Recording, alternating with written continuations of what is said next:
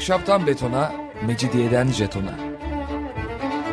Alameti kerametinden menkul kent hikayeleri.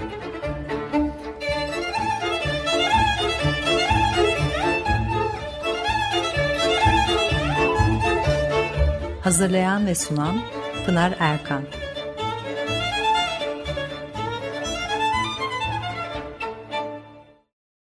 Efendim merhabalar. Bir haftalık aradan sonra yine birlikteyiz. 95.0 frekanslı açık radyoda ahşaptan betona, mecidiyeden jetona tam şu anda başlamış bulunmakta. Anlatıcınız ben Pınar Erkan. Elektronik posta adresim pinarerkan.yahoo.co.uk Bugün programımızda neler var? Son zamanlarda aklıma takılan bir şey sürekli. Milattan sonra aklımda yanlış kalmadıysa birinci yüzyıl civarı e, böyle bir yüz yıl kadar süren bir kıtlık dönemi oluyor. İnsanlar e, bir tür e, işte bir gıda türlerini yiyorlar. Fakat o kıtlık da hani bir gün sabah kalkıyorlar da artık bir dizi meyve sebze neyse bulunmaz olmuş öyle değil. Yavaş yavaş e, gelişen bir süreç. Tıpkı bugün yaşadığımız gibi değil mi? Önce meyvelerin, sebzelerin lezzetleri bozuldu. Ondan sonra şekli şemali değişti. Sonra baktınız biraz daha az lezzetli, biraz daha çok girintili çıkıntılı e, falan böyle giderek e, e, aradığınız meyveyi hiç bulamaz oldunuz veya aradığınız sebzeyi hiç bulamaz oldunuz. Çok pahalı oldu, alamaz oldunuz filan. Ondan sonra da zaten ortadan kalktı gibi bir süreç oluyor ve ona göre de yemekler değişiyor. Ee, milattan sonra birinci yüzyıldaki kıtlıkta da böyle oluyor. Ee, ve yüz yıl kadar sürmüş dedim ya. Aradan yüz yıl geçtikten sonra bu üç jenerasyon filan eder. Ee, o ilk jenerasyonun yediği yemekleri üçüncü jenerasyon hiç bilmiyor kıtlık sonrasında. Yeme alışkanlıkları tamamen değişmiş. Çok acayip değil mi? Yani bir ülkede bir topraklarda 100 yıl önce yenilen yemeklerle 100 yıl sonra yenilen yemekler arasında büyük farklar ortaya çıkıyor. Çünkü 100 e, yıl önce buldukları meyveyi, sebzeyi neyse artık bulamıyorlar. Tıpkı e, e, yani aslında kıtlık olmasına da gerek yok. Mesela bugün biz her yemeğe salça koyuyoruz değil mi? Domates koyuyoruz, salça koyuyoruz. Halbuki Osmanlı mutfağında öyle salça yok, domates yok. Yani 19. yüzyılda geliyor. Ee, e, kabul görüyor ve daha çok tüketilir hale geliyor. Domates 19. yüzyılda yaygınlaşıyor. Ondan önce e, yok domates falan yer. Yani düşünebiliyor musunuz? İkinci Mehmet hiç menemen yememiş. Soğanlı mı olur, soğansız mı olur tartışacak bir durum dahi yok. Çünkü adam menemen yememiş. Fatih Sultan Mehmet domates diye bir şey tanımıyor. Çok acayip değil mi? Şimdi e, böyle şeyler hele bugünlerde bu kadar bizi gene çok daha olumsuz günler bekliyor diye e, konuşuyoruz. E, onun için biraz gene e, yemekten gitmek istiyorum. Milattan sonra birinci yüzyıl dedim, kıtlık dedim. Zaten ondan sonraki yüzyıllar içerisinde de Hristiyanlığın yayılma sürecini görüyoruz. Bunları bazı programlarda konuşmuştuk. Ee, e, İstanbul'un yani Konstantinopolis olarak e, Doğu Roma İmparatorluğu'nun başkenti olması milattan sonra e, binin yılları arası dönem Orta Çağ olarak adlandırılan dönem daha ağırlıklı olarak kargaşa, siyasi örgütlenme girişimlerinin olduğu dönemler Böyle bir stabil düzen yok. Bir e, sınırlar sürekli değişiyor Avrupa'da. Hristiyanlığın yayılma e, çabalarının bunda çok büyük etkisi var. Roma'daki Hristiyan kilisesi, Papa, e, Avrupa siyasetinde ve gündelik yaşamda e, son derece güçlü ve etkili. e, e, İspanya'dan Polonya'ya, İtalya'dan İngiltere'ye, İrlanda'ya kadar hayatın her yönünü kontrol ediyor kilise. Ne yiyeceklerini, e, ne zaman yemeyeceklerini, ne içeceklerini, ne zaman içkiden uzak duracaklarını söylüyor. E, zamanı bile kontrol ediyordu diyor Civitello. E, çan çalıyor. Pek de bu saatin bir takım şeylerin farkında olmayan insanlar sabahın ne zaman olduğunu anlıyorlar. Uyanmaları gerektiğini anlıyorlar çalan çanla. E, kilise ayinine gitmeleri gerektiğini, akşam duasını ne zaman edeceklerini, ne zaman yatacaklarını bildiriyor çünkü çan. E, doğru zamanlarda çalarak. Bir de bu dönem 15. yüzyıl civarı Gotların e, istilası var. Kilisenin çok kaygılandığı e, bir şey. Onlar çok bira içiyorlarmış ve barbar olarak e, görünüyorlar. Üzüm bağlarını paramparça edecekler, yok edecekler e, ve şarap yapımının e, ortadan kalkacağını veya Hristiyan ibadetine gerekli şarabın bir şekilde e, yok olacağını düşünüp kaygılanıyorlar. Fakat böyle bir şey olmamış. Bağcılık ilerlemeye devam etmiş. Neden? Neden ilerlemeye devam etmiş? Çünkü zırh yapımında çok etkili bir madde çıkıyor oradan. Şarapla tuzu karıştırıp doy, doymuş keten, yani ketene, yani keteni şarapla tuz karışımının içerisine atıyorsunuz. Ee, sonra çıkarıyorsunuz o keteni, kurutuyorsunuz. Ee, çok sert bir malzeme çıkıyor ortaya. Ve bundan zırh yapıyorlarmış kendilerine.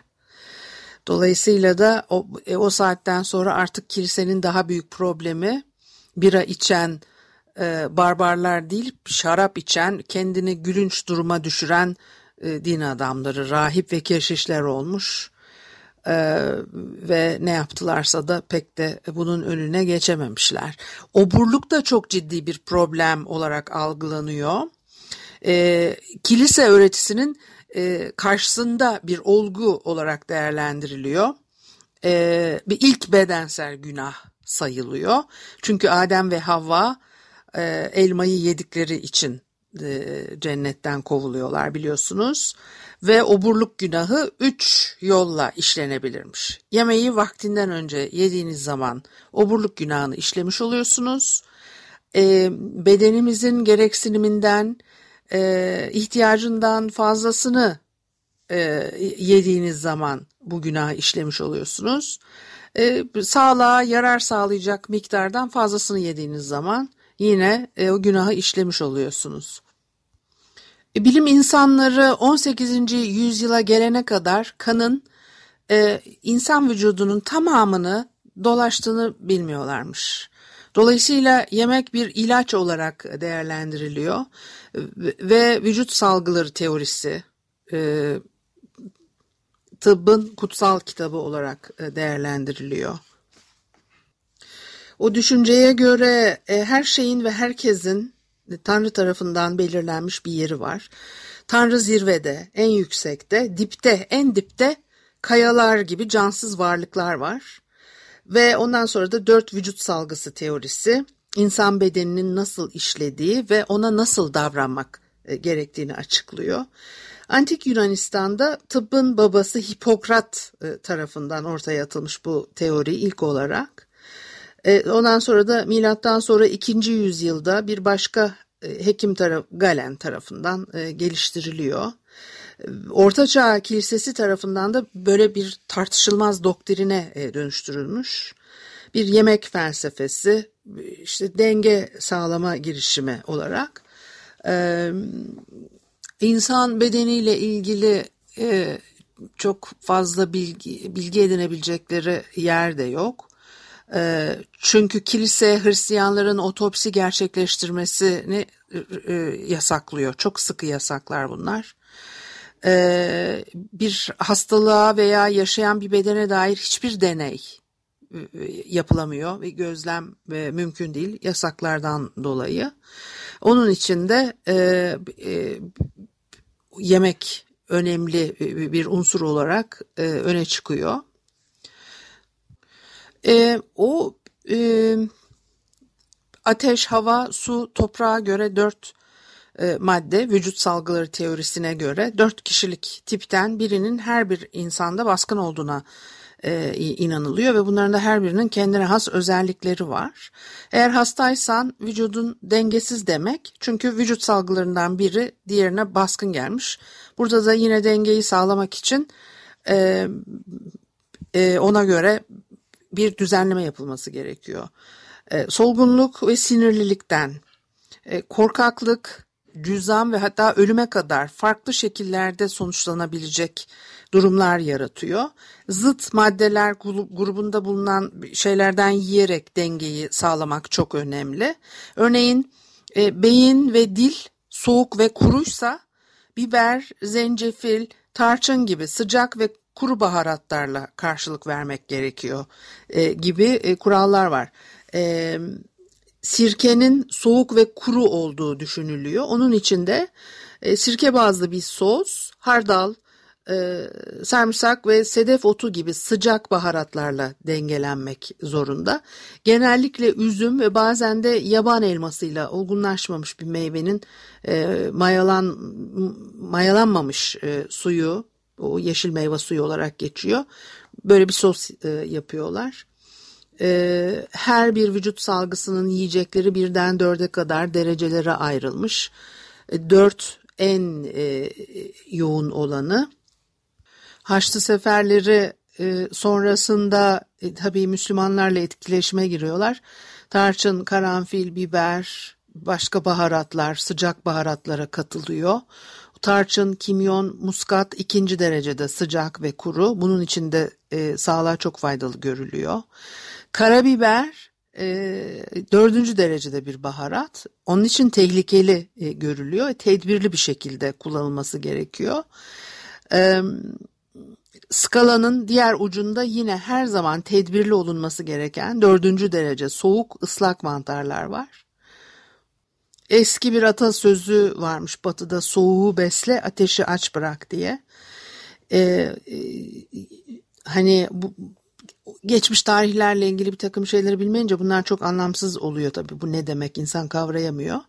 Ama yemek yerseniz eğer mideyi çalıştırmış oluyorsunuz ve o zaman da vücut ısınıyor ve soğuğa karşı sizi koruyor. Öte yandan yemek yememenin mideyi sakinleştirmesi ve ateşe karşı koyması e, bekleniyor.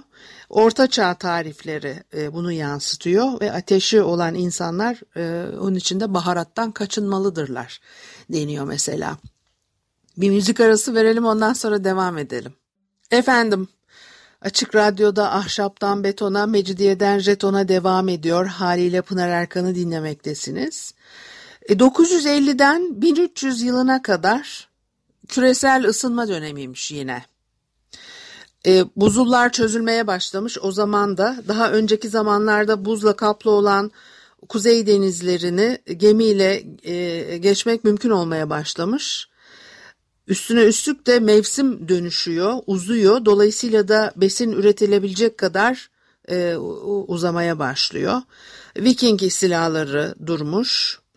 E, İzlanda'ya yerleşiyorlar. Arkasından daha soğuk olan Grönland'a e, yerleşiyorlar. Greenland yani yeşil topraklar e, demek Grönland. E, bu ismin yerleşimcileri cezbedeceğini düşünmüşler. Grönland'dan güneybatıya günümüz Kanada'sında Newfoundland'e gidiyorlar. Vikingler burasını Vinland, şarap toprağı olarak isimlendiriyor e, üzüm olarak isimlendiriyorlar ama e, yabani olarak büyüyen yaban mersini bitkisini de yine burada bulmuşlar. E, zaten bu bölgede son zamanlarda yapılan kazılarda e, Viking yerleşimine de e, rastlanmış. E, binli yıllarda ortaçağ sıcak dönemi ve uzayan mevsimler sayesinde tarımda gelişmeler kaydediliyor ve yiyecek üretimi artıyor.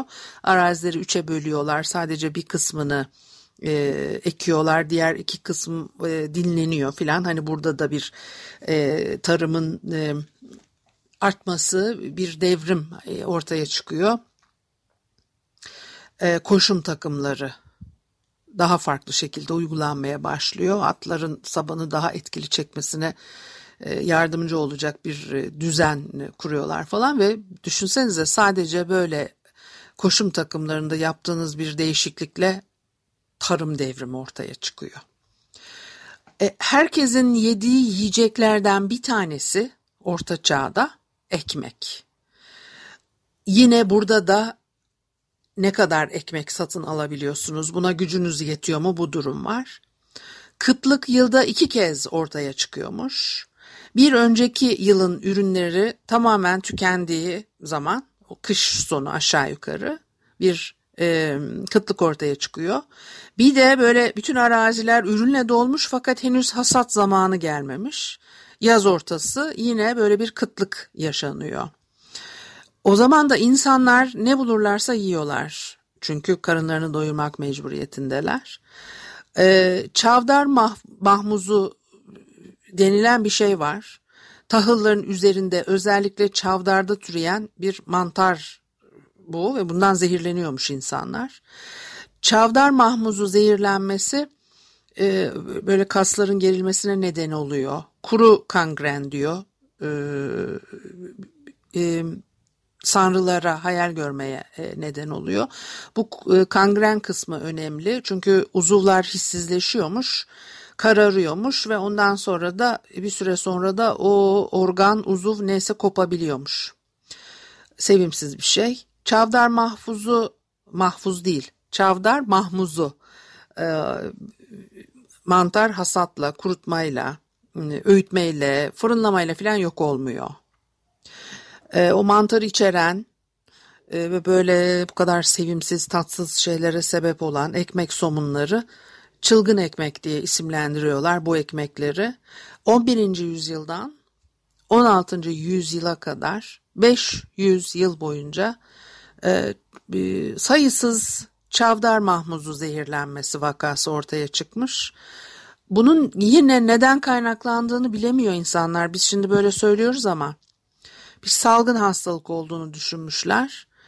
Ee, bir de tam tersi bir yaklaşımla o çavdar mahmuzu özellikle çocuk doğumunu hızlandırmak için ilaç olarak da kullanılmış. Ne kadar e, riskli şeyler. Bir de üstüne üstlük dedik ya e, programın başında kanın bütün vücutta dolaştığını dahi bilmiyorlar. Çok acayip şeyler gerçekten. E, Avrupa'da bütün bunlar olurken doğuda Batı Roma İmparatorluğu artık yıkılmış ya e, Orta Çağ yaşanıyor. Doğuda Doğu Roma İmparatorluğu yani Bizans gelişiyor e, ve son derece zengin varlıklı topraklarda e, daha farklı bir e, yaşam sürülüyor. E, garum Roma yiyeceklerinden yine bir programda söz etmiştik. E, bunlar korunmuş Doğu Roma İmparatorluğu'nda. E, o dönemin Konstantinopolis'inde e, ticaret için buluşma noktası, e, Karadeniz'in Akdeniz'de buluştuğu yer ticaret en iyi şekilde konumlanmış.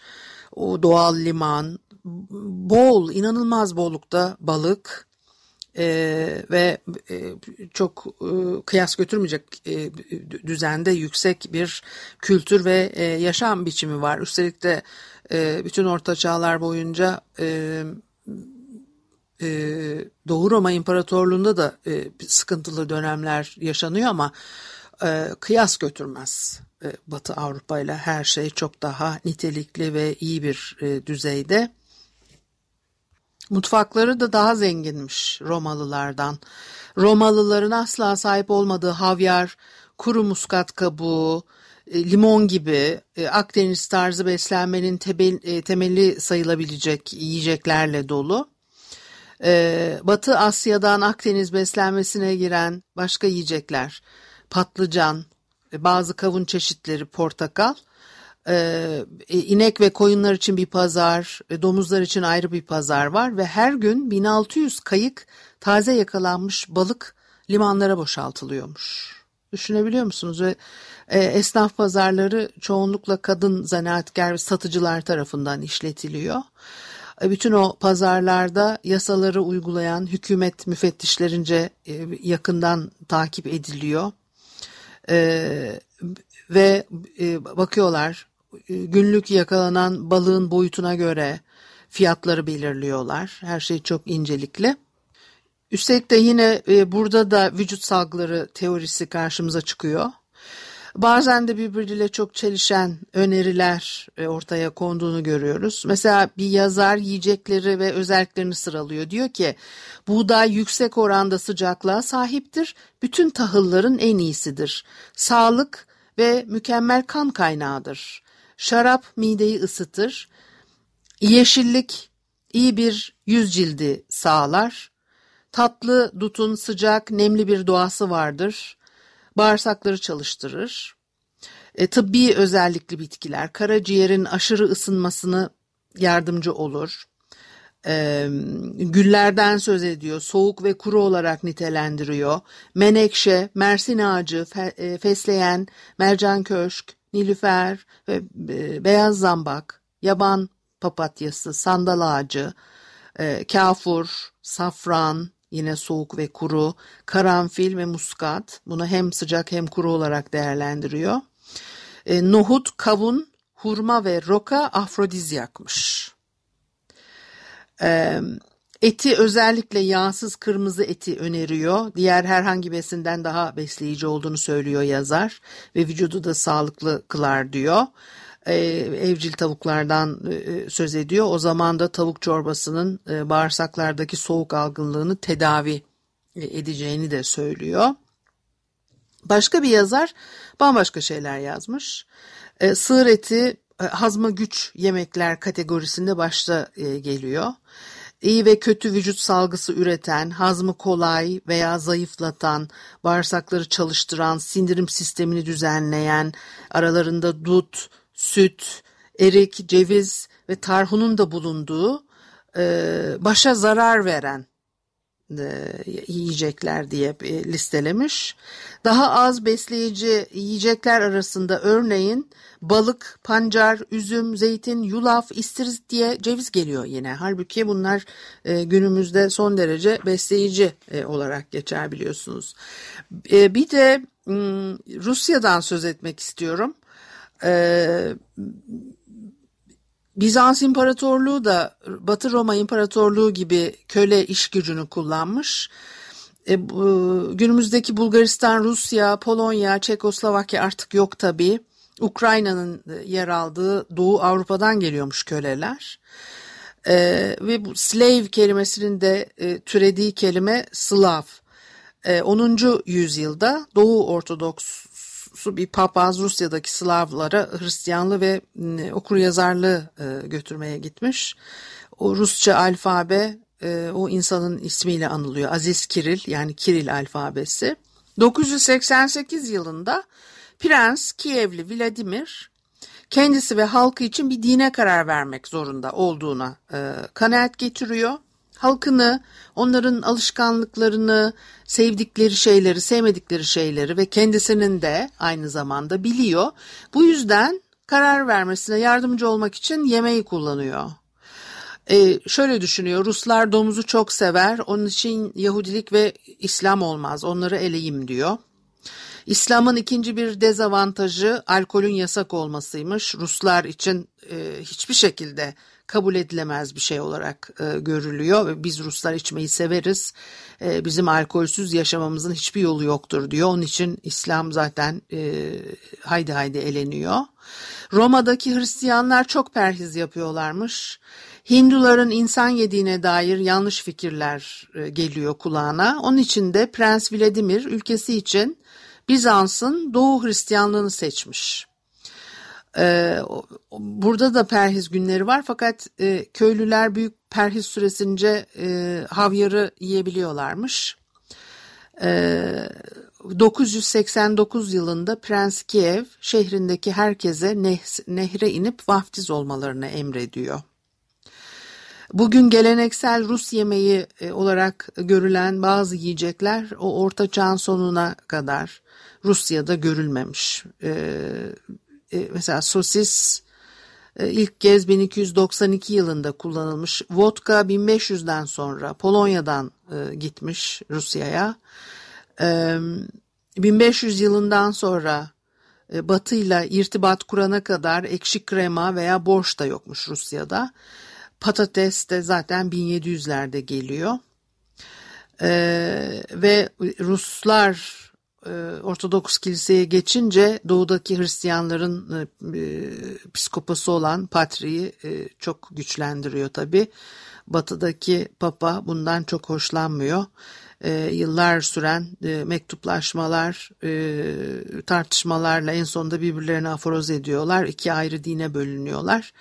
E, ve böyle de devam ediyor. Bu haftalık da bu kadar olsun. Haftaya görüşene kadar hoşçakalın.